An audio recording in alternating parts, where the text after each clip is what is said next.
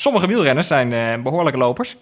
Hoe is dat met jou? Ik heb atletiek gedaan voordat ik uh, ben gaan wielrennen. En uh, ik vond vooral crosslopen heel erg leuk. Dat vond ik eigenlijk het allermooiste. lange afstanden ook.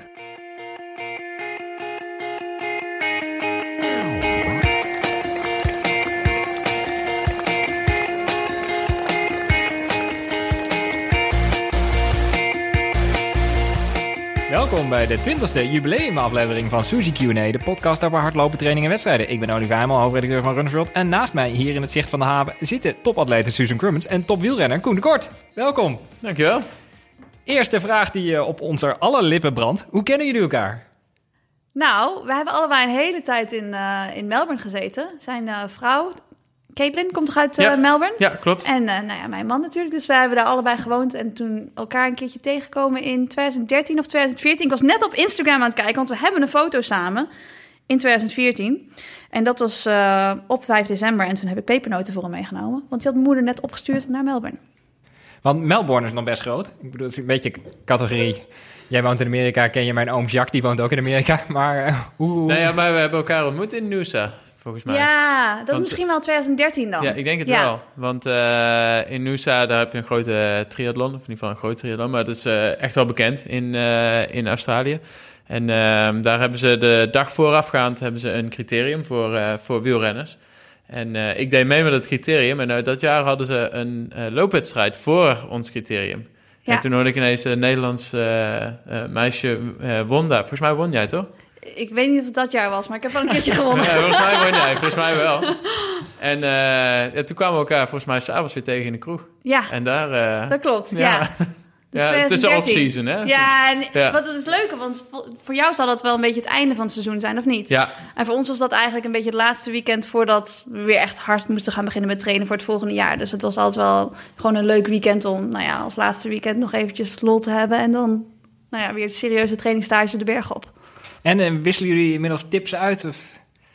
Uh, nou ja, ik weet niet zo uh, of het echt uh, trainingstechnisch heel veel tips kunt uitwisselen. Maar ik vind het wel heel leuk om een beetje op de hoogte te blijven en, en te zien hoe het, hoe het met haar gaat. En ja, we hebben dus ook alweer een keer afgesproken in Melbourne. En dan zien we elkaar hier weer. Volgens mij hebben we elkaar nog wel een keer ergens gezien. Dus blijf wel een beetje in contact. Nou, tof. Ik, ik ken jou alleen uh, van de televisie natuurlijk. Als de man van de sprintterrein van uh, John Degenkop en Marcel Kittel. Uh, klopt dat beeld een beetje? Ja, nou ja, zeker klopt dat beeld wel. Ik heb natuurlijk ook wel nog andere dingen voor andere renners gewerkt. Niet alleen voor sprinters en dat soort dingen. Maar, Je hebt ook Parijs-Roubaix voor de belofte gewonnen. Ook, ja. ja. En ik denk in de klassiekers ook in het verleden, zeker met John Degenkop. Toen, hij, toen hij Parijs-Roubaix bij de professionals won, heb ik daar ook nog uh, heel lang meegedaan, uh, heel lang uh, ondersteund. Milan Sanremo heb ik toch ook weer een iets andere rol had. En um, ik heb ook één keer een jaar met Tom Dumoulin de Vuelta. Toen Tom bijna de Vuelta oh, won, wow. was ik ook bij, daarbij. En natuurlijk de laatste jaren bij Trek met, met Alberto Contador en nu met Richie Port gereden. Waar het toch niet echt voor de sprinttrein was, maar ja, ondersteuning van een, van een klassementsrenner. En dan vooral zorgen op de vlakke ritten dat die op de juiste plek zitten, geen tijd verliezen en liefst ook niet vallen. Want ik, uh, op Wikipedia staat dan dat je knecht bent. En dat vind ik altijd zo mooi middeleeuws. Noem je dat zelf ook? Ik ben knecht. Uh, nou ja, ik, ik, vind, ik vind mezelf wel een knecht in principe, in, in die zin. Het klinkt misschien niet zo heel erg leuk, maar zo wordt het ja, ook niet echt gezien um, in het en Ik denk dat het niet, niet zozeer zo'n negatieve term is als dat het misschien klinkt. Um, daarnaast ben ik ook uh, koerskapitein. En dat vind ik dan ja, wel... Ja, precies, ik zou het op Wikipedia gewoon aanpassen. ja, dat doe ik gewoon lekker zelf, ja. Er stond op Wikipedia trouwens ook, en dat vond ik een hele leuke trivia. Koenekort heeft een getatoeëerde tijger rechtsboven op zijn rug. Maar is dat nou een een tatoeage van een tijger of dat een tijger met tatoeages, zeg maar? Wat heb je precies uh, Zo, uh, nou, dat is op zich... Ik heb eigenlijk al heel lang niet op mijn eigen Wikipedia gelezen. Ik geloof nou natuurlijk niemand, maar uh, dat is echt zo. Um, het, is, het is eigenlijk veel groter. Het is niet alleen een tijger. Ik heb ook nog een leeuw en allerlei gladiatoren enzovoort.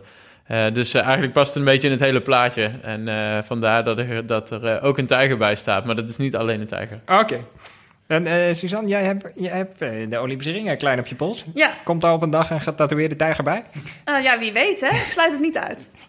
hey, dan moet ik toch nog even over Marcel Kittel hebben. Want ik vond een heel grappig fragment uit, na, ik denk 2013, na de succesvolle Tour van Omroep Brabant. En we gaan even luisteren. Wat een ontvangst, wat een tour. Ja, ja wat, eh, wat er allemaal hier in Nederland is gebeurd, hebben we niet zo heel veel van meegekregen. Maar eh, nu we hier staan, dan wordt het wel een beetje duidelijk. Eh, dat is wel heel mooi om te zien. Ja, ik ga jou een vraag stellen die ik in mijn hele leven als sportjournalist nog nooit gesteld heb. Zou je je helm even af kunnen doen? Ja, dat zou ik best willen. ja, nu hou ik natuurlijk een beetje helm aan, maar ja, het, is, het is anders. Ja. Het is niet slechter. Niet slecht, hè? Ja, nou, dankjewel, ja. Ik weet niet of ik dat nou eigenlijk als een eh, compliment moet opvatten of niet. Eh, dat betekent dat hiervoor was het dus niet zo geweldig. Wat was daar gebeurd? Ja, eh, ja ik, eh, ik maakte eigenlijk heel veel eh, grapjes over Marcel en zijn haar. Eh, vooral eh, in de tour met eh, zijn undercut. En eh, Marcel eh, zei eh, toen al in het begin van de, van de tour tegen mij... Nou ja, als jij... jij loopt ook echt nog wel een keer rond met zo'n undercut. En ik, ja, Want een undercut is het aan de zijkant helemaal weg en dan boven... ja, ja, echt het, eh het eh, Marcel Kittel eh, kapsel. als, je, als, je, als je nu denkt, hoe ziet Marcel Kittel eruit, dan zie je hem voor je met, met die undercut. En ja, toen heb ik tegen hem gezegd, oké, als jij, ik geloof dat het drie ritten was, wint, dan, dan neem ik ook een undercut. En eh, na de eerste was het natuurlijk al nog maar twee, nog maar twee. en eh, na de tweede volgende overwinning, dan eh, krijg je een undercut. En eh, ja, op een gegeven moment had hij er natuurlijk drie gewonnen. Hè? En toen moest ik eraan. En dat hebben ze ook nog geregeld eh, tijdens de tour. Op de rustdag eh, is er toen een kapper voorbij gekomen die, eh, die mijn haar heeft, eh, heeft geknipt. En ja, toen zag ik er dus ineens eh, uit met Marcel Kittel eh, haar. Je hebt het niet gehouden.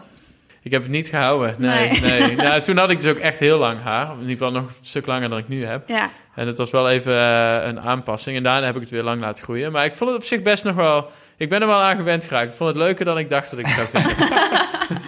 Ik kwam ook nog een ander eh, fragment tegen, eh, vrij recentelijk volgens mij, dat je zes voortanden was, kwijt, voortanden was kwijtgeraakt. nou ja, ik, nee, de, de twee voortanden. Nu in de, in de Tour dit jaar. de eerste rit. Eh, ik weet eigenlijk nog steeds niet precies hoe het is gegaan. Maar eh, ze vielen voor mij en... eh, ik ging over mijn stuur en toen kreeg ik natuurlijk tegen iemand aan. Ik, ik stond al wel bijna stil. En ik viel op de grond. Ik denk dat er iemand bovenop mij is gevallen. Of misschien was het mijn eigen fiets. Weet ik niet precies. Maar ik lag eigenlijk al op de grond. En ineens schoot mijn gezicht nog naar voren. En ik voelde echt zo ja, mijn tanden op de grond komen. Oh, Ehm, ja, mijn bril was ook afgeschaafd. Mijn helm eh, kapot. En eh, ja, ik eh, was mijn voortanden aan het uitspugen. En dat was toch niet zo heel erg leuk. maar, maar s'avonds is dat gewoon weer aangezet en zo. Ja, ja, ja, toen ben ik direct naar de tandarts gegaan. En ja, die heeft er gewoon weer stukjes aangeluimd eigenlijk. Dus ik heb wel geluk gehad dat niet, geen wortel is geraakt of zenuw of wat dan ook. Ehm, ik was wel een beetje bang, want één tand zat best wel los. Maar dat is toch gewoon weer goed gekomen. Ehm, ja, het was wel even vervelend. Ik had ook, ik had ook best nog wel eh, last van hoofdpijn en zo. Dat eh, was eh, misschien niet heel verstandig om door te ruimen. Ja, de eerste, de eerste rit wil je toch ook niet meteen afstappen. Maar het was wel een behoorlijke valpartij. ja, uit, nu zie je er niet zoveel meer van. Ik had ook heel weinig schaafwonden. Maar ja, even zo'n klap op je gezicht is toch niet echt lekker. Oh ja, ik heb even een wegtrekker. Ik heb eh, last van een plaatsvervangende pijn altijd. Ha- Had mijn opa ook, die was generaal. En, eh, dus, hoe moet dat geweest zijn op het slagveld? Oh, ah! Maar goed, ehm, even naar de kern van deze podcast. Sommige wielrenners zijn eh, behoorlijke lopers. Hoe is dat met jou? Ehm nou, ik heb, eh, ik heb atletiek gedaan voordat ik eh, ben gaan wielrennen. En eh, ik vond eh, vooral de crosslopen heel erg leuk. Dat vond ik eigenlijk het allermooiste. Eh, lange afstanden ook. Ehm, maar eh, ja, nu loop ik echt nooit meer. Eh, ik heb op een gegeven moment een keer, een van mijn eerste jaren heb ik geprobeerd zo in de winter nog wat te gaan hardlopen. Maar toen was denk ik mijn conditie veel beter dan mijn techniek. En toen heb ik eh behoorlijke blessure gekregen aan mijn voet. En eigenlijk daarna niet meer gedaan. Want ik be- begrijp wel eens dat wielrenners zelfs niet kunnen staan. Althans, dat ze niet, er niet van houden om in de winkel in de rij te staan, omdat ze dan te lang staan. Ja, nee, ik voel, eh, daar heb ik echt, eh, in ieder geval, ik persoonlijk heb daar echt last van. Als ik eh, een stuk ga lopen of als ik eh, inderdaad even tijd ga staan, dan krijg ik echt pijn in mijn benen. En eh, dat is denk ik gewoon zo, eenzijdig altijd het fietsen. Dat als Ja. ik iets anders ga doen, dat ik, dat ik daar echt last van heb. En dan zou je denken, je hebt goede conditie, eh, niet zo zeuren, een paar kilometer lopen is toch geen probleem. Maar dat is het eigenlijk echt wel. Ja, ik heb het ook wel bij winkelen. Ik vind het heel moeilijk om vol te houden. Ja, ik veel zitten. ja, ja, precies. Nou, dat doe ik dus ook. Hebben de topatleten daar ook last van? Bij het winkelen. Nee, eh, dat je gewoon Ja. weinig wil staan en weinig wil wandelen? Of? Ja, dat klopt wel. Ik ben wel heel lui buiten de trainingen om. En uh, veel staan, daar ben ik ook niet goed in. Winkelen doe ik eigenlijk alleen maar online. Dus nou ja, dan hoef je ook niet te staan. maar lig je dan ook vooral? Of? Uh, ja, liggen en zitten. Uh, ik ben wel eens bij een fysio in Ierland geweest en die zei tegen mij van je, je bent of een loper of een fietser. Maar als je lichaam gemaakt is om te lopen, dan uh, is het lastig om je om te vormen tot een fietser en andersom. En hij was zelf triatleet. Dus wat hij ook zegt, dat is misschien ook wel logisch als je altijd fietst. Dat je dan, ja, als je rechtop staat, is natuurlijk ook je hele houding is ook gewoon anders. Ja, ik krijg ook echt last van mijn rug en zo. Ja, kan ja. ik me voorstellen. Zeg maar de, de, de oefeningen die ik doe en in, in de krachttraining en zo, waar ik dan op let, is bijvoorbeeld, denk ik moet mijn schouderbladen bij elkaar houden, moet rechtop, mijn, mijn uh, mijn bekken kantelen, mijn, mijn kin intrekken, echt rechtop. En dat is natuurlijk helemaal andersom dan, dan fietsen. Dus ik kan me voorstellen dat als je van de ene naar de andere beweging gaat, dat dat uh, ja, niet zo soepeltjes is als je zoveel tijd op de fiets doorbrengt. Maar we kunnen ervan uitgaan dat Koen beter loopt dan jij fietst, toch? nou, dat, uh, dat twijfel ik toch. Het zou wel een leuk, leuk experiment zijn, dat. Ja, nou, ik, ik fiets natuurlijk niet zoveel, maar ik, ik, kan, ik kan wel fietsen. Maar ik, ik zit nooit comfortabel op een fiets. En het is ook gewoon, mijn rug wil de andere kant op. Die wil niet. Die wil, die, die, die, die, wil echt. Ja, ik heb vroeger geturnd ook bij de Hazenkamp en echt wel flink geturnd. Dus het is gewoon, ik ben die kant op heel lenig, maar ik kan niet zo goed zoals je op een fiets moet zitten. Daar ben ik echt helemaal niet goed in. Oh, wauw. Ja. Ik, ik, heb nooit over nagedacht dat turners een soort omgekeerde wielrenners zijn. Ja, inderdaad. Zien jullie wel andere overeenkomsten tussen fietsen en hardlopen? Nou ja, volgens mij is het ook uh, alle twee wel redelijk vergelijkbaar qua training, hoewel het toch uh, anders is. Het is natuurlijk, wij zijn veel langer bezig, en, uh, maar met bepaalde intensiteit trainingen en trainingsblokken en zo, dat dat wel vaak overeenkomt, volgens mij. Ja, want ik voorafgoten wielrenners, dat zeg ik maar even voordat ik dit ga zeggen, maar ik denk wel dat het sport is die soms het meest op een kantoorbaan lijkt. Want soms moet jij gewoon van 9 tot 5, zeg ja. maar, een paar bergen op. Nee, absoluut, absoluut. Het is natuurlijk heel veel tijd op de fiets doorbrengen. En uh, dat, uh, soms uh, ja, is het meer over kwantiteit dan kwaliteit. natuurlijk moet je wel zorgen dat je, dat je kwaliteit ook echt traint. Maar ja, soms is het gewoon een zes uur training of een zeven uur training. En, en, en, maar, en soms is er ook in de wedstrijd geen eer aan te behalen, toch? Moet je gewoon zorgen dat je binnen de tijdslimiet binnenkomt. Ja, ja, ja, dat is natuurlijk een beetje als de eendagswedstrijden zijn wat dat betreft anders dan uh, dan de, de Tour de France bijvoorbeeld, echte etappekoersen.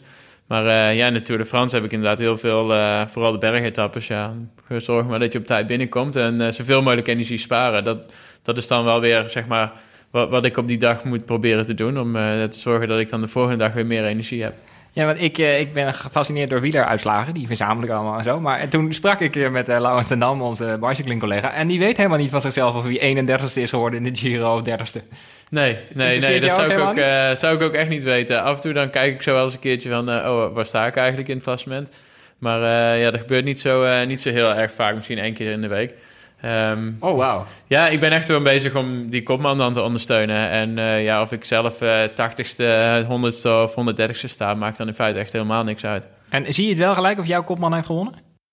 Uh, nou, vaak uh, ben ik nog wel dicht genoeg bij dat ik iets van uh, de koersradio kan horen op het oortje dat we hebben.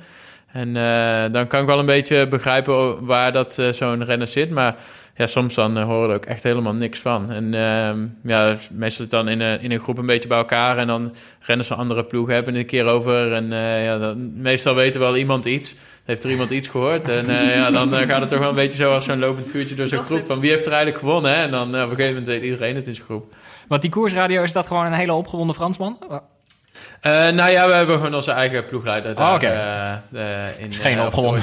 nee, geen opgewonden Fransman. We hebben, ja, we hebben een paar Nederlanders. En, of in ieder geval een Nederlander ehm, een Belg en uh, ja, nog uh, geen Fransman meer. Ja, ik zit even na te denken, want de Nederlander die was dit jaar gevonden door Strava, toch? Na een. Ja, Steven de Jong. Ja, ja, ja, ja klopt. die, die is inderdaad met, met trainen, met, met fietsen eigenlijk. Voor hem kan je mag het eigenlijk geen trainer meer noemen als je ploegleider Ja, ik noem het bij mezelf ook nog trainer. um, maar die, die is inderdaad ja, van, van de fiets gevallen. Hij weet eigenlijk nog steeds niet precies hoe het is gebeurd. Waarschijnlijk door een auto geraakt en van de fiets gevallen. En ja, op een gegeven moment is automatisch Strava upload en ja, is op een bepaalde plek zijn rit beëindigd.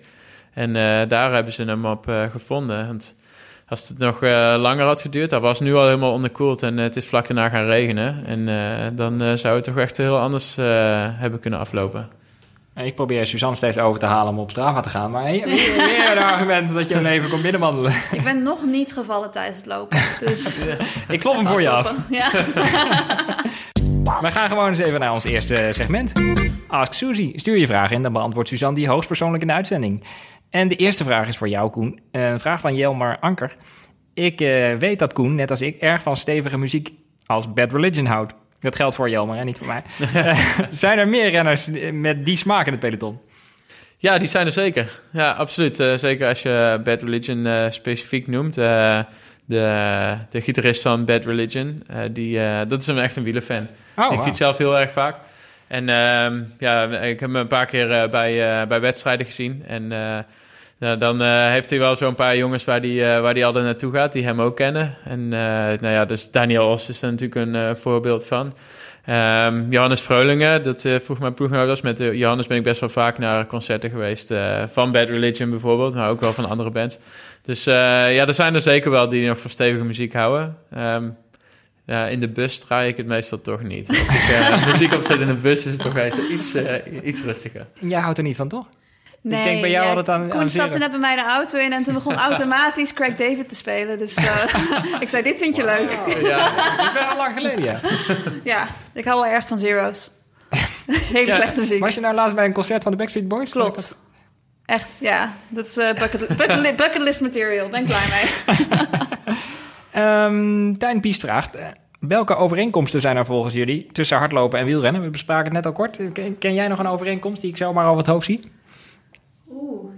Je wordt er moe van. Ja, nou weet je, als ik denk aan trainingen, dan is bijvoorbeeld... Ja, ik zeg natuurlijk altijd, een threshold is belangrijk. Mhm. En ik denk wel dat dat het soort training is wat jij natuurlijk heel veel doet. ja absoluut. Ehm, dus, dus dat is wel een overeenkomst. Dus ik denk dat je dan toch wel op, hetzelfde, op dezelfde manier het systeem traint. Alleen ja. Ja. de beweging is natuurlijk gewoon heel anders. En ik weet ook wel van triatleten dat eh, als je van de, van de fiets gaat rennen... dat je dacht die, die overgang, dat je dat heel erg moet, ja, moet trainen. Ja. Dus het is... Oh my god. En eh, Voor de luisteraars, er ging even mobiel af, maar het is allemaal onder controle. ehm, ja, weet ik eigenlijk niet. Nog meer overeenkomsten. nou, ik kan me ook Ehm. voorstellen dat, dat het een beetje naar het lopen toetrekt. Oeh. Omdat veldrijders nu zo succesvol zijn in het peloton. Dat Ja. jullie allemaal denken, ik moet gewoon een uur lang beestachtig door het bos gaan. En dan komt het helemaal goed. Ja, ik denk wel dat er heel veel eh, renners daarover na gaan denken. Heel veel coaches daarover na gaan denken. Als je natuurlijk eh, een beetje standaard eh, het oude principe hebt. eh, gewoon veel, eh, veel en lang trainen. En eh, als je zeg maar, eh, in het begin van het seizoen 35 uur kan trainen in plaats van eh, 33 uur, dan moet je dat zeker doen. En eh, ja, nu eh, is dat toch een beetje anders. Die veldrijders die doen dat natuurlijk zeker niet. Die, eh, dat is veel meer eh, kwaliteit dan kwantiteit. En eh, ik denk wel dat... eh, ja, ik ga daar persoonlijk ook wel een beetje over nadenken. Ik ben natuurlijk op, nu al een beetje op de leeftijd waar ik niet te veel meer moet experimenteren. Maar Je houdt wel tijd over als je... ja, ja, nee, ja, je houdt inderdaad tijd over. Maar daarmee kun je volgens mij ook de trainingen veel zwaarder maken. Doordat je ja, je minder vermoeit door, eh, door lange trainingen. En misschien dat eh, de balans, eh, dat, dat zeg maar over het algemeen in het wielrennen wordt gehanteerd. Dat die, eh, dat, dat niet eh, de juiste balans is. Als je het zo bekijkt naar eh, hoe de veldrijders het doen. Ja, vind ik heel interessant. Ehm, een hele andere vraag van Mini Verheij eh, aan jou, Suzanne. Wat kun je doen tegen stijve Achillespezen na het lopen? Ik gooi hem er gewoon even in. Stijve Achillespees na het lopen. Ja, dan moet je eigenlijk een beetje terug in de tijd, denk ik. Want dat moet je eigenlijk proberen te voorkomen natuurlijk. Ah, Ja, kijk, als je Achillespees stijf wordt na het lopen, dan, dan, dan heb je ergens gewoon iets overbelast. Dus eh, eigenlijk, ja, je moet er gewoon voor zorgen dat je Achillespees de belasting van de training aan kunt. Dus je hebt of te hard getraind, of je hebt iets gedaan waarin je niet gewend bent. Dus als je bijvoorbeeld van het niets opeens eh, een hele zware heuveltraining gaat doen en heel veel heuvel op gaat lopen, dan is de kans groot dat je Achillespezen gaan piepen daarna. Maar als je dat langzaamaan zou opbouwen, dus als je vanaf nou, goed, de eerste week een keertje eh 100 meter de, de heuvel op rent en de, en de tweede week doe je dat twee keer of drie keer en dat langzaamaan opbouwt, dan kun je je pezen daaraan wennen. Dus ik denk als je na de hand stijve Achillespezen hebt, wat je wel zou kunnen doen als het ook een beetje warm aanvoelt, is even ijzen. Gewoon met een plastic bekertje wat je in de vriezer hebt staan met ijs, kun je het even ijzen om zeg maar die inflammation weg te krijgen. Maar uiteindelijk moet je het probleem oplossen, de oorzaak. Dus ja, dat kunnen natuurlijk heel veel dingen zijn. Dat, ik, ik, ik geef nu even het voorbeeld van beheuvel oplopen. Maar het kan ook zijn dat je uh, ja, opeens te veel snelheid doet. Voor mezelf is het soms als ik uh, te veel in spikes heb gedaan. Uh, of het kan zijn dat je gewoon overdag verkeerde schoenen aan hebt. Als je de hele dag op slippertjes rondloopt en als je daarna een training gaat doen, dan kan het zijn dat je Achillespezen al een beetje geïrriteerd zijn voordat je die training ingaat. Dus dat is een fout die veel mensen in de zomer maken bijvoorbeeld. Dus nou ja, ik kan uh, wel duizenden redenen vinden waarom je Achillespees pijn kan, kan doen, maar je moet terug naar die oorzaak en dat oplossen. Um, dan hebben we nog een vraag van Rob Viveen, die we net ook een beetje hebben behandeld. Maar uh, we weten inmiddels dat jij niet van A naar B fietst. Maar, maar zit je wel eens op een racefiets? Want ik, ik zag wel een foto van je langskomen op een berg. Op een berg, ja. Dat is ook je hebt niet gewoon op die fiets geposeerd bovenaan die berg, dat toch? Dat is wel heel lang geleden. nou ja, soms als ik, uh, als ik niet kan lopen, dan ga ik natuurlijk op de elliptico. En als ik niet op de elliptico kan, kan dan, dan ga ik wel fietsen. Maar dat doe ik nu inmiddels niet meer zo vaak. Uh, dus voor mij is dat wel echt, dat is alternatieve training. Dus Vandaar dat ik het eigenlijk associeer met geblesseerd zijn. Dus daarom vind ik fietsen niet zo leuk. Dus uh, Tour de France eigenlijk gewoon 180 geblesseerde mensen. Ja, inderdaad. Dus ik word daar niet heel gelukkig van. Maar uh, het is ook zo dat de laatste keer dat ik echt op een soort van racefiets heb gezeten... dat ik er uh, ja, een beetje klunzig van af ben gevallen. Ik, ik, zat er maar 100 meter op, maar ik ben er wel van afgevallen. En toen kwam dat, ja, hoe noem je dat? Dat tandwiel. Ja, dat kwam in mijn kuit terecht. Dus toen moest ik uiteindelijk naar het ziekenhuis. Het moest allemaal gehecht worden, allemaal heel veel drama. Um, dus nou ja, dat was een beetje mijn laatste ervaring op een racefiets. ik begrijp het helemaal. dus vandaar, het is niet, ik ben er niet voor gemaakt. Nou, een uh, kort segment was dit. Heb je ook een vraag voor uh, Suzanne of voor mij natuurlijk? Mail hem dan naar mijn adres olivier.heimel.heurs.nl En wie weet komt jouw vraag dan langs in onze volgende podcast. Koen, ik wil het nog even over wielrennen hebben.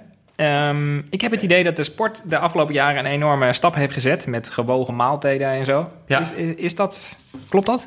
Ja, nou absoluut. Ik denk dat uh, zeker uh, op het gebied van voeding dat er echt uh, grote stappen zijn gemaakt.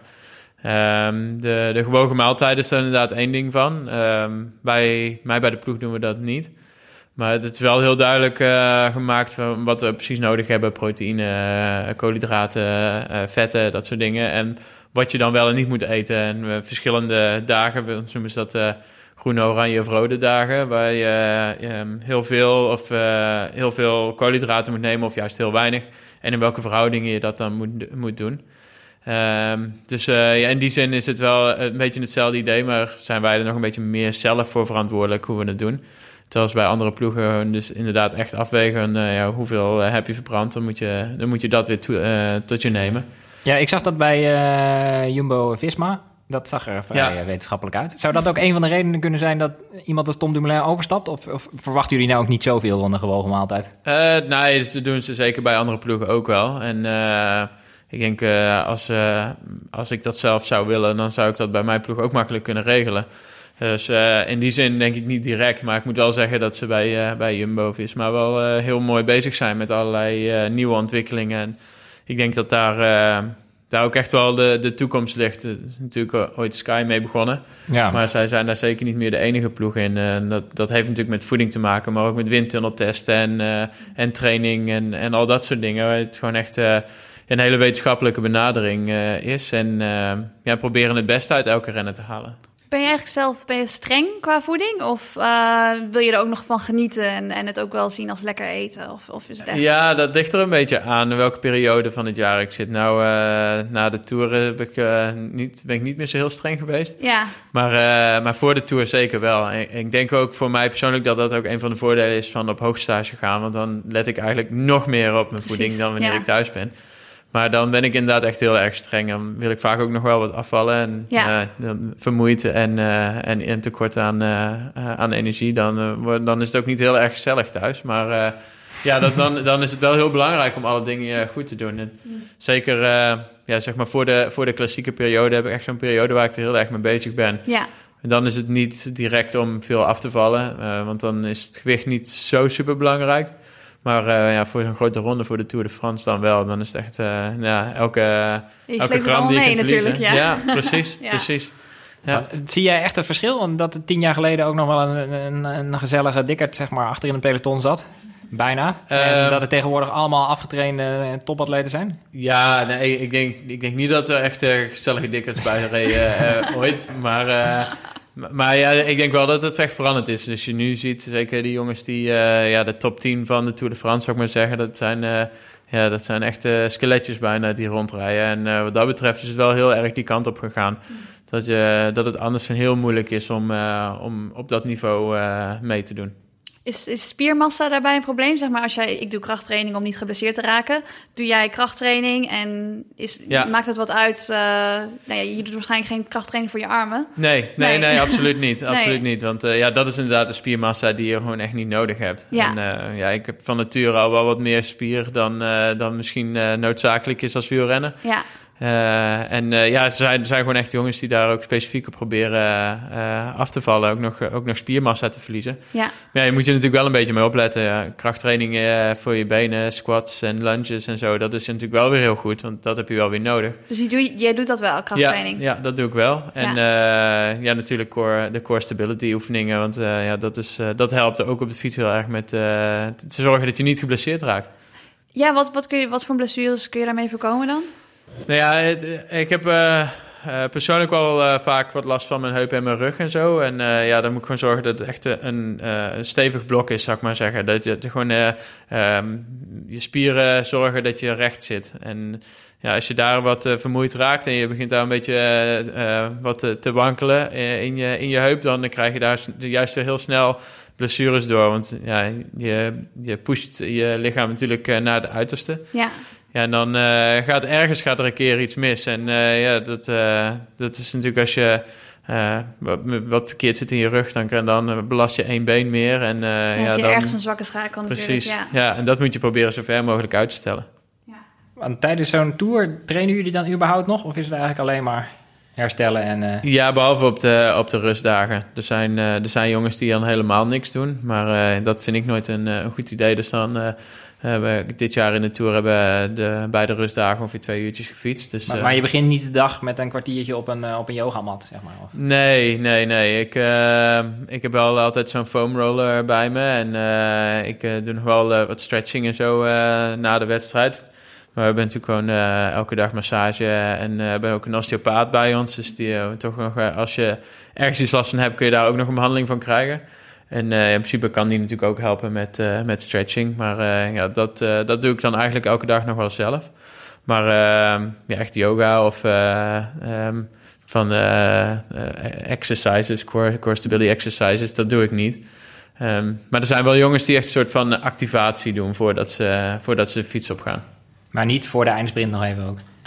Eh, nee, dan meestal ja, ik ben ik al warm. een beetje op een dij. Ja, Sprinters. weet je zo, ja, als je wat last hebt van je benen, een keer rond, eh weet je zo, eh, je, Ja. je benen een beetje losschudden. Maar ja, dat, eh, vol- volgens mij heeft dat niet heel veel zin. In ieder geval, dat heb ik nooit gemerkt. Is er in het fietsen eigenlijk eh, zo'n blessure als bijvoorbeeld een Achillespeesblessure in het hardlopen, waar eigenlijk iedere wielrenner wel een keertje mee te maken krijgt en wat soms ook eh, zeg maar Ja. career ending kan zijn?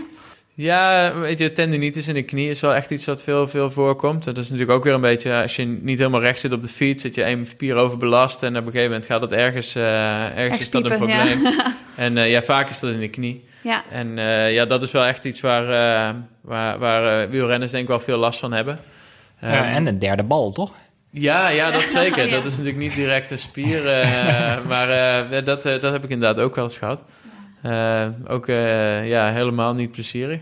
Maar eh, ja, dat is vaak niet... eh, Niet career nee, nee, dat is even lastig. Maar daarna gaat het ook gewoon altijd weer weg. Ik heb ook het idee dat die, die, die zadels gewoon te dun maken. Dat Ja, jullie dat tien jaar gewoon een veel brede zadel hebben. Nee, nee, dat zit helemaal niet lekker, zo'n breed zadel. Nee, dat... eh, ja, het is echt, eh, het moet ondersteuning hebben op de juiste plek. hè. En dat is gewoon waarbij, eh, we, hebben niet zulke dikke konten. Dus eh, dat is ook vrij, Ja. vrij, vrij smal. Waar Oh, dat je dat op klaar. Ja. En, Ja. en, en qua schema's, he- heb jij een, een, een trainer? Of Ja. schrijf je over het algemeen je eigen schema's? Of? Nee, nee, ik heb echt een trainer. Ik heb wel een tijdje zelf, zelf geprobeerd. Ehm, ik heb bewegingswetenschappen gestudeerd. Dus eh, in principe zou ik het zelf moeten kunnen. Maar ik ben er wel achter gekomen dat dat niet werkt. Ehm, dan eh, op een gegeven moment ga je toch voor jezelf... Echt, eh, terwijl je op de fiets zit, redenen bedenken waarom je juist extra zou moeten trainen. Of, eh, als Al ging je dan juist te hard voor jezelf? Ja, ik zou ja, juist ja. denken dat je dan zegt van... oh ja, maar vandaag het is zo mooi weer en dan gaan we even rustig aan doen, hè? Een inkijkje in jouw brein. Ja, nee, precies. Nee, maar dat is, het schijnt bij wielrenners sowieso te zijn. Misschien bij atleten weet ik eigenlijk niet. Maar dat vaak de, de rol van een trainer is meer om de, de sporter af te remmen dan, eh, dan aan te sporen. Ehm, eh, ja, ik, heb echt, eh, ik ben toen echt overtraind geraakt toen ik mezelf trainde.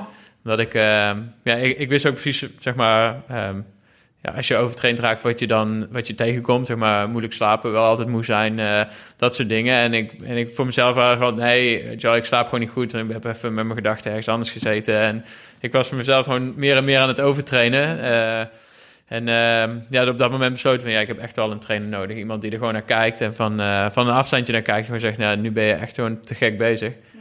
Je moet echt even rustig aan doen. Die overtraining, hoe lang duurde dat om daarvan te herstellen?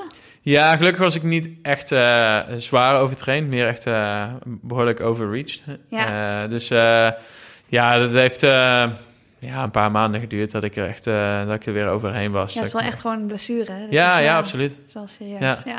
ja, ja, ik moest gewoon echt even, even niks doen om daar overheen te komen.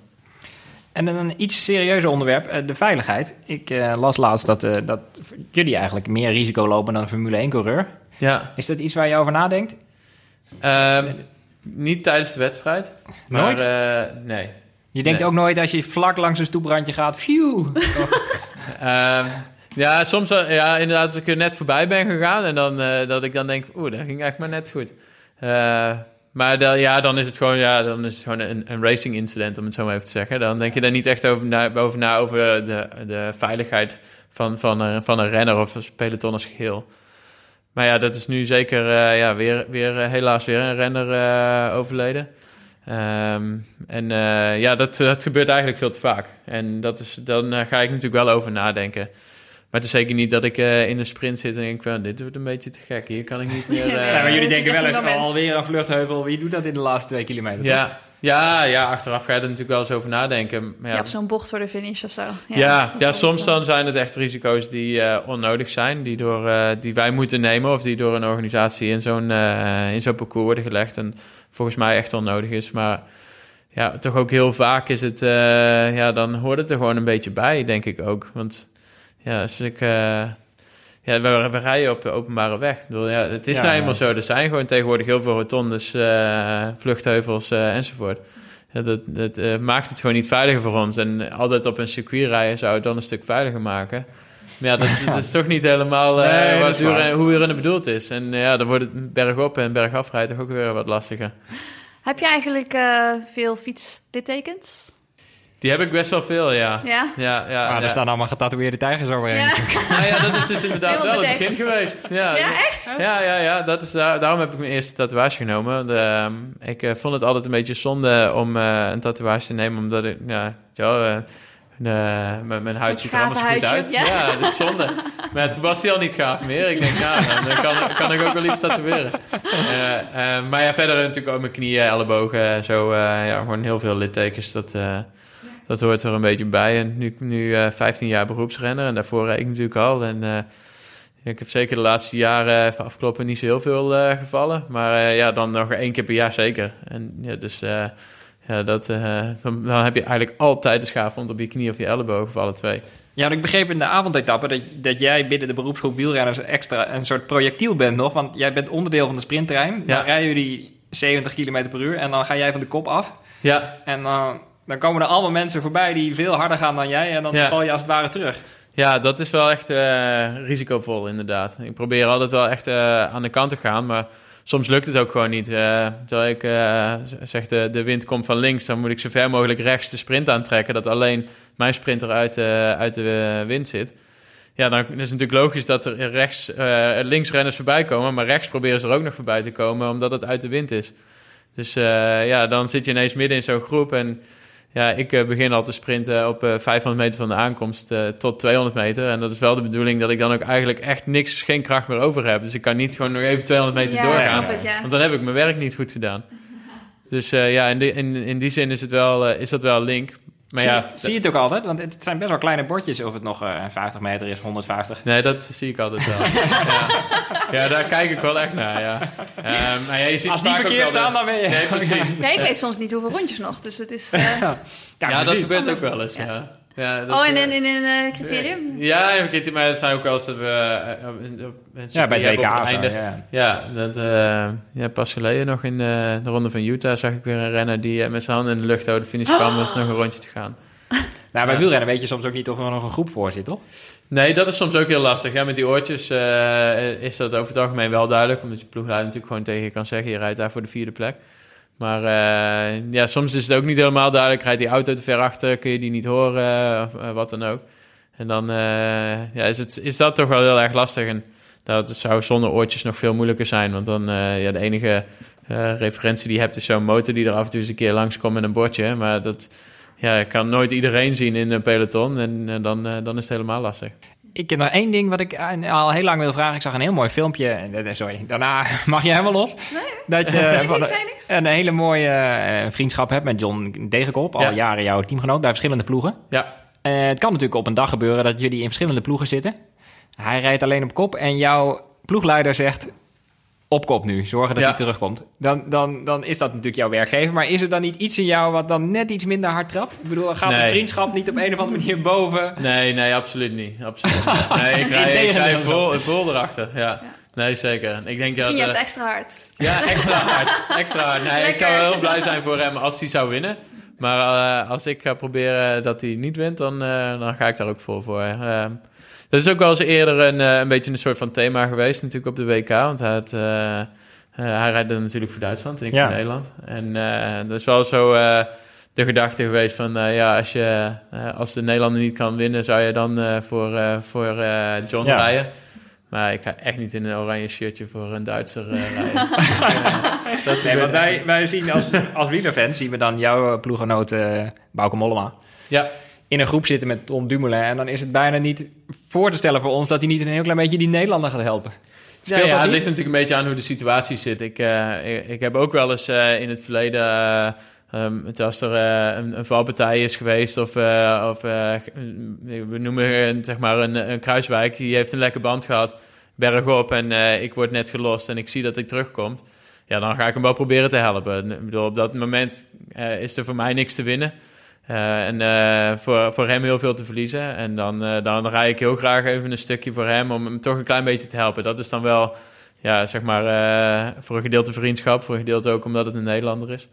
Maar ja, ik denk dat het voor, voor Bouke toch wel een heel stuk lastiger ligt. Want die probeert zijn eigen uitslag ook te rijden. En ja, als die eh, uiteindelijk in het, eh, in het algemeen klassement één plekje verliest... omdat hij een Nederlander ging helpen die niet bij hem in de ploeg rijdt... dat, dat ik denk dat daar de ploeg ook niet zo heel blij mee zal zijn. Nee, dat is waar. Maar het is toch een pak van mijn hart dat jullie nog een beetje... eh, Ja, nee, ik ben ook altijd wel heel veel blijer als er een Nederlander wint dan, dan een willekeurige andere buitenlander. Dus als, als ik het niet ben of een van mijn ploeggenoten, dan, dan maar. Ah. Ja. Hoe is dat in, eh, in, hardlopen? Heb je dat nog Ja, we hebben beetje? natuurlijk sowieso geen teams. Dus iedereen Ja. loopt voor zichzelf. En, eh, maar als hij van wint, ben je wel echt extra blij, toch? Ja, tuurlijk. Ben ik wel blij. Maar het is niet zo dat we elkaar helpen tijdens de wedstrijd. Niet zoals dat het gebeurt in het wielrennen. Dus er is niet iets wat je... Ja, ik kan haar niet helpen of zij kan mij niet helpen. Maar omgekeerd, toen jij eh, Jip, trouwens, heeft Jip op een ronde zette Ja, bij het EK... toen heeft ze me aangemoedigd. Ja. Dus dat was wel heel lief. toen zei ze iets van, kom op. En ik kon echt niks meer zeggen. Ik dacht echt van, ik ga die finish niet halen. Dus, eh, maar eh, dat was wel leuk, ja. Ah, ja, ik, ik, ik probeer het ook wel. Maar ik, ik weet nog dat ik één keer iemand heb aangemoedigd. Dat was een heel zielig verhaal. Bij, bij de Baarnse Wintercup. Toen ha- haalde ik een jongen in, een, een jonge Marokkaanse loper die eh, echt goed bezig was. Maar hij zakte helemaal in elkaar. Dus ik haalde hem in en ik zei, kom op, eh, nog even door of zoiets. En toen zei hij, ik heb dorst, ik heb honger. Toen zei ik, jongen, nog, eh, nog eh, twee kilometer mag je eten en drinken. En toen hoorde ik later naar de finish dat hij in de ramadan zat. dus dat mijn woorden echt Ja, dat was ja, vrij hard binnenkwamen. Maar eh, wist ik niet. Ehm, we gaan even naar het tweede segment.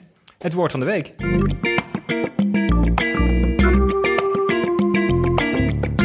Ik dacht dan eh St. Moritz, want eh, wie is er niet tegenwoordig? Het is verschrikkelijk. Mijn Instagram-tijdlijn zit helemaal vol met mensen die genieten van eh Zwitserse, wat is het? Zwitserse meren? Oostenrijkse meren? Ik weet het niet. Ja, Zwitserse. Zwitser- Zwitser- Ben je wel eens in St. Moritz geweest? Ehm, nou ja, Doorheen ik ben- gefietst? Ja, door, doorheen gefietst zeker. Ehm, wij, eh, wij zijn vorig jaar op eh hoogstage geweest, maar dat was net, eh, net buiten St. Moritz. In Italië? Nee, nog wel in Zwitserland. Oh, oké, ja. Ja, ja. ja. ja. er Ja. zitten wel veel wielrenners in de buurt, maar nooit echt in St. Moritz. Daar zitten inderdaad alle hardlopers. Ga ik als het goed is binnenkort ook weer heen. En het is wel echt eh, de place to be. Dat. Want zijn er dingen die ik absoluut niet moet doen of wel moet doen daar?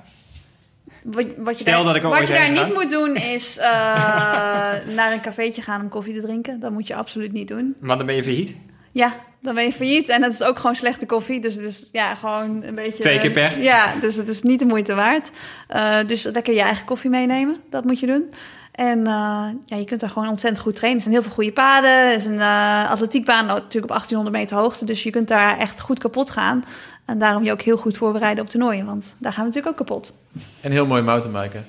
Ja, Oh. dat, dat spreekt me dan meer aan Ja. dan koffie. Want je weet dat ik nog nooit een kop koffie heb gedronken. Maar het is leuk dat je er altijd over begint. Ja. Eh, ben jij wel een koffiedrinker, Koen? Ja, ja, ik eh echt eh koffiefan, zeg maar. Eh, ik heb ook een, een koffietentje in, in Andorra, waar ik nu woon. Dus eh, sinds eh 2,5 maanden, ongeveer drie maanden, zijn wij open. En ik vind het echt, echt heel erg leuk om met koffie bezig te zijn. Het is natuurlijk, ja, wijn is sowieso ook lekker, maar als topsporter toch iets, iets lastiger te drinken. En koffie is dan wel wat, wat zeg maar, makkelijker om daar helemaal in op te gaan. Maar ja, ik, ik hou er echt van om eh, allerlei verschillende bonen uit te testen. En eh, ik heb een hele goede koffiemachine ook thuis en eh, een goede molen. En ja, dan eh, vind ik echt leuk om allerlei dingen eh, te, te testen en te proberen. Ja, want het is iets van wielrenners, toch? Ik, ik kan me voorstellen dat die heel veel malen en dat koffie dan ook. zo. Maar Ja. dat is het enige wat ik kan bedenken. Want ik weet dat Robert Geesink heeft zo'n...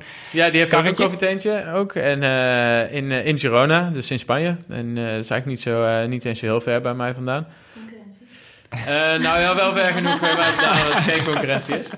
Maar eh, ja, wielrenners hebben inderdaad wel vaak iets met, eh, met koffie. Ik denk dus ook daarom, het is echt al, eh, hoort een beetje bij de cultuur. Gaat trainen, stopt ergens eh, om een koffie te drinken. Ja, ja, duurloopje, even ja. koffie drinken, weer verder met duurloopje. Dat is toch mooi. Is het Ja. ook iets waar jullie dan tijdens een, een lange etappe over kunnen hebben? Ja, absoluut. Ja, nee, zeker wel. zeker wel. Ja, en ik, ik neem ook altijd eh, zo'n Aeropress mee. Oh, eh, dat wilde ik net en vragen. En heb je ook een handmaler mee? Ja, ja, ja, ja, ik heb ook gewoon echt een goede gekocht. Dus ik wil zo maar ik bedoelde eh, gewoon na 20 kilometer, zeg maar. Als ik, dan zie ik zo'n peloton en dan zie ik die mensen met elkaar praten. En dan denk ik, waar hebben ze het over? Kan het dan over koffie gaan? Ja, ja, nou, dat gaat wel eh 9 van de 10 keer over vrouwen of auto's. Maar, eh, Soms over koffie. soms over En die koffie. ene keer over koffie. Ja, precies. Ehm, nou, tijd voor de laatste vraag al. Koen, wat ga jij doen de komende weken? Ehm, nee, ik, eh, ik heb nog wat wedstrijden op de planning staan de rest van het seizoen. Niet meer zo heel erg veel. Eh, Eh, ik heb al, eh, eh, nee, nee, die niet. Ik rij Hamburg, eh Eh, en dan eh, nog wat wedstrijden, vooral in België en, eh, en Noord-Frankrijk. Dus er is niet zo heel veel meer over. Maar het is op zich wel lekker, want ik heb al wel een behoorlijk zwaar seizoen gehad. Ja, En ik kijk ook wel uit om een keer mijn seizoen vroeg te eindigen. Want ik begin ook altijd weer heel vroeg te trainen ehm, voor, voor Tour Down Under. En doorgaan tot de laatste wedstrijd van het seizoen, wat ik eigenlijk de afgelopen jaren elke keer heb gedaan. Tot eind oktober en dan mid-januari weer goed willen zijn. Oh, dan blijft er niet heel veel tijd over eh, voor vakantie. Dus meestal was dat echt eh, een week vakantie. En dan begon ik weer met trainen. Maar eh, nu ziet het er naar uit, als ik niet als reserve word opgeroepen voor allerlei wedstrijden, dat ik, eh, dat ik iets langer vakantie kan hebben. Want ik zag wel een persoonlijk doel voor je. Want ik zag dat je bij de laatste zes Amstel Gold Races hebt opgegeven. Ja, ja nou ja, dat is wel. eh Amsterdam Gold Race is wel echt zo'n wedstrijd. Dan eh rijd ik eh, eerst alle andere, de Vlaamse klassiekers, zeg maar. En dan kom je ineens in de Amsterdam Gold Race weer eh, tegen allemaal verse mannen die, eh, die de Waalse klassiekers rijden. En ik, heb, ik heb altijd dan nog het idee dat ik goed ben en dat ik er echt nog motivatie voor heb. En dan start ik daar en dan bl- blijkt er elk jaar dat het eigenlijk niet gaat. Ehm, maar ja, goed, dan neem ik maar de rol op mij om heel vroeg mijn werk te doen. Iets wat ik normaal gesproken niet doe. Maar ja, dan rijd ik mezelf gewoon leeg zo snel mogelijk eigenlijk. En eh, ja, dan eh, haal je de finish niet in zo'n wedstrijd. Zeker omdat je een paar keer langs de finish komt eigenlijk al. En eh, ja, dan is het hard. Ja, dat heb ik dus ook altijd. Ja. Een paar keer langs de Ja, finish komen. Dan is het toch veel makkelijker om te stoppen. Dat is wel zo. Ja. Zeg maar in een wegwedstrijd zou ik dat minder snel doen... omdat je dan toch nog terug moet naar de finish. Ik kan me eigenlijk helemaal niet heugen dat je gestopt bent. Bij de CPC ben je niet begonnen. Eh, ja, ja, klopt. Daar kon ik zelf niet zo heel veel aan doen. Eh, ben ik, ik ben wel eens gestopt.